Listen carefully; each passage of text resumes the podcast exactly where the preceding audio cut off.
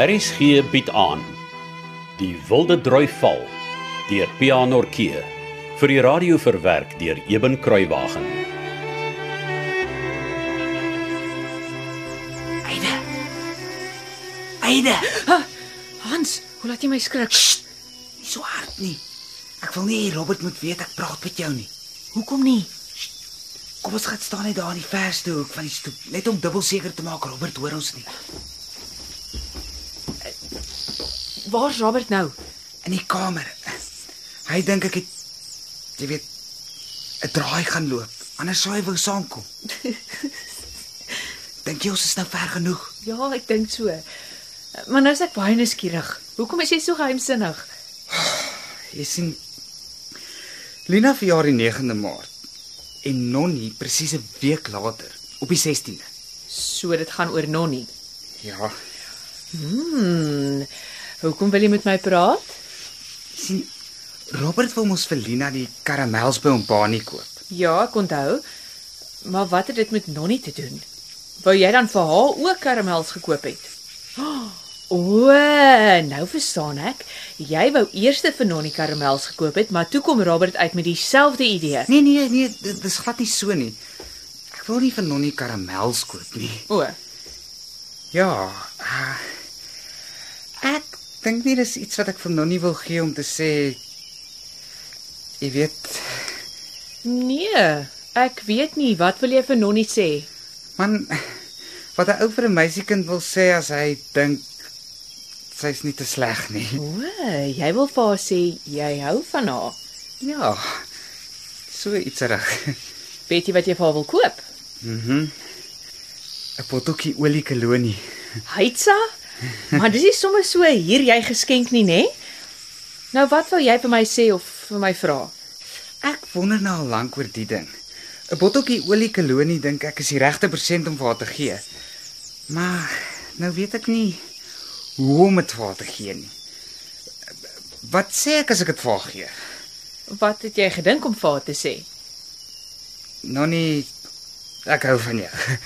Of miskien Nonnie, ek is baie lief vir jou. Maar maar miskien is dit bietjie erg. Ek wil haar ook nou nie heeltemal afskrik nie, jy weet. Nee, jy wil nie. Toe het ek gedink ek kan dalk sommer net pad langs hou en vra Nonnie kan ons twee van nou af nooit 'n kerel wees. Dit klink my jy's baie ernstig oor die meisiekind, hè? Ja, nogal. Maar jy sien elke ding wat ek vir haar wil sê klink vir my simpel.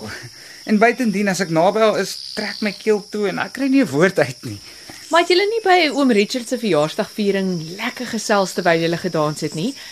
Dit het vir my so gelyk. Ons sê ja, maar dit was anders. Hoe anders? Daar was musiek en mense wat praat en jolly is. Toe voel dit nie vir my so erg as wanneer dit stil is en ek myself kan hoor nie. Ek verstaan. En ek kan ook nie vir haar 'n brief skryf nie want net nog aan wysheid vir die ander meisiekinders en dan sal ek so waar flou neerslaan. Hm, ja nee, dis nogal 'n tamaletjie. Miskien moet ek net vir haar die olie kolonie gee en maar hoop sy verstaan wat ek met my woorde nie kan sê nie. Weet jy? Ek dink nie dis 'n slegte idee nie. Regtig? Al te seker ja. En soos ek haar deurgekyk het, lyk sy vir my na 'n slim meisie wat twee en twee bymekaar kan sit. En daar's 'n ander baie belangrike ding waarvan jy nie moet vergeet nie. Wat's dit? Die hele aand het sy met elke liewe nuwe stukkie musiek met iemand anders gedans. Bedoel jy sy hou of van almal of sy hou van niemand? Nee. Ek bedoel, sy het elke keer met iemand anders gedans tot sy met jou gedans het. Ja. En vir die res van die aand het sy net met jou gedans. Ek dink die meisiekind het vir jou ook iets probeer sê, Hans. Nes jy met die olie kolonie vir haar iets wil sê.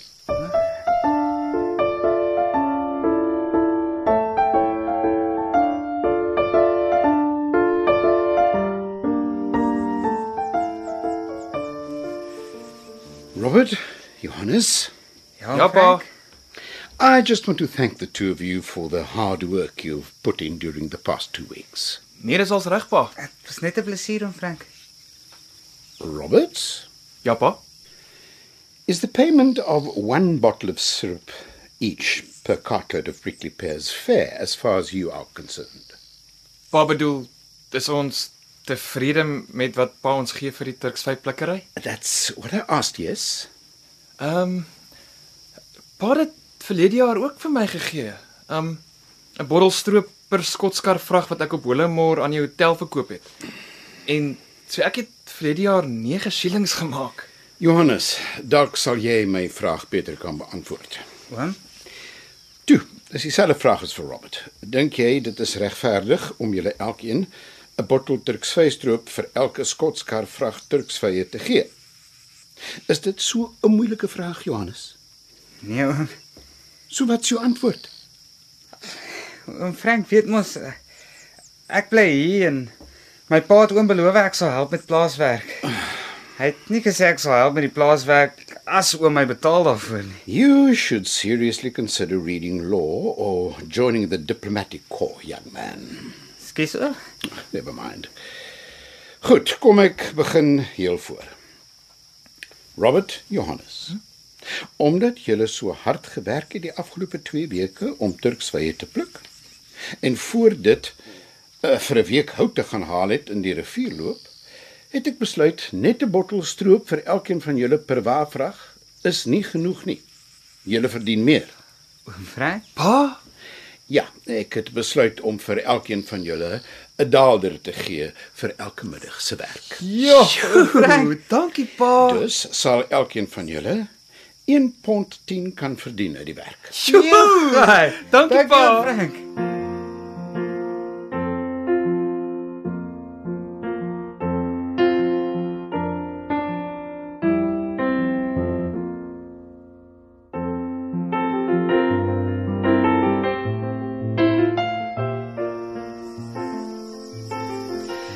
Nou nie bly pa die seuns se ietsie ekstra betaal nie? Kyk nou net hoe opgewonde was hulle. You drive a hard bargain, my daughter. But I suppose a fair one, all things considered. Ek dink nogal so. Is pa seker dit was 'n vars beesvel wat pa by oom Richard gekry het? Die ding ryk dan op die wurms al 'n maand aan hom vreet. But of course it was fresh. I buried it myself under the tree 2 weeks ago. Wat? Hoekom het pa dit gedoen? Ah, Wel, ek het dit nie sommer net begrawe nie, Eide. Ek het dit darm 'n bietjie gedokter ook voor ek die gat toe gegooi het. Waarmee? Ag, dit ryk iets alles verskrikliks. All kinds of poor goedjies, you know. En nou met die arme seuns hierdie stinkou stuk beesvel brei. Dis hulle straf vir die geld wat ek hulle moes betaal vir die Turksvry plukkery en vir die vier werkers wat hulle gehelp het daarmee. Nee, kyk, daar's nie salf aan pa te smeer nie.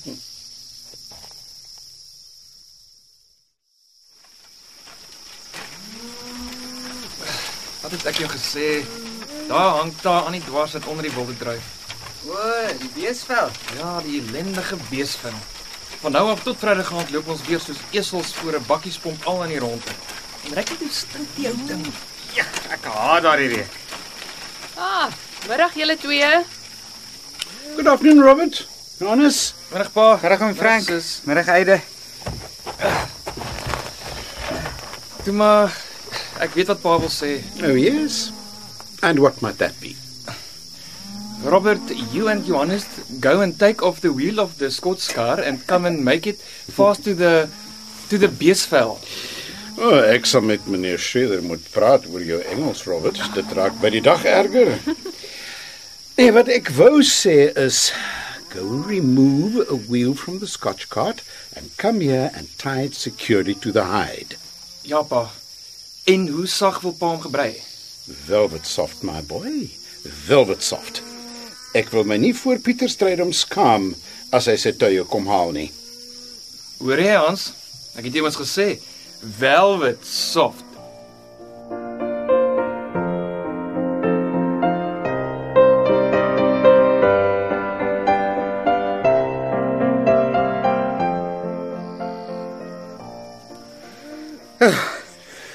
Ek het so waar nie gedink ons sal na 3 dae nog steeds sweet onder die ellendige skotskar se wiel nie.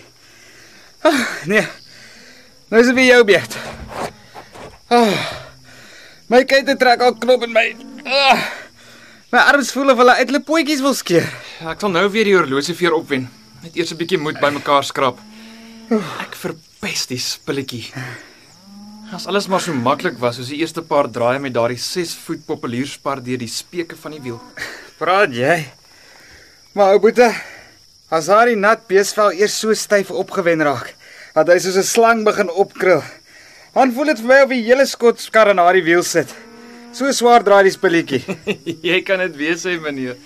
Maar weet jy wat vir my die moeilikste deel van alles? Wat? As jy die vel tot heel bo opgewen het Uh, en jy moet die spar vinnig uitblik sodat die wiel weer tot heel onder af kan woer woer woer. nou, hoekom is jy bang daarvoor? Ek is altyd bang die spar glip uit my hande of iets en dan smy die afdraai van die wiel die paal bo op iemand of hy kap my onderste bo of dalk nog dood ook, jy weet. Jo. Ek het nog nooit eens aan gedink nie. Het dit al met jou gebeur? Dat die spar uit jou hande glip? Nee, hy gederd gelukkig nie. Oef, nou ja, laat die eers maar loop. Die ou vrotvel sal nie van self velvet soft raak nie.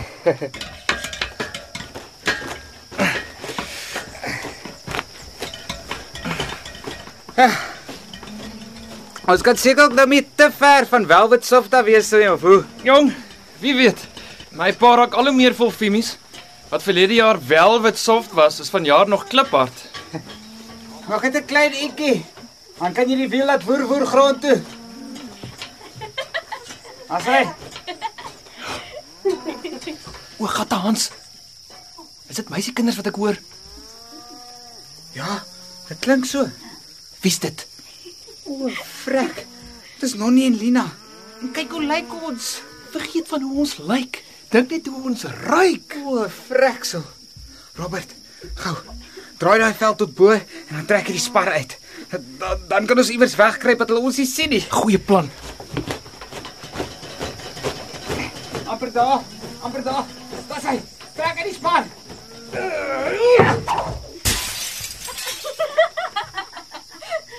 O, gorrel Robert.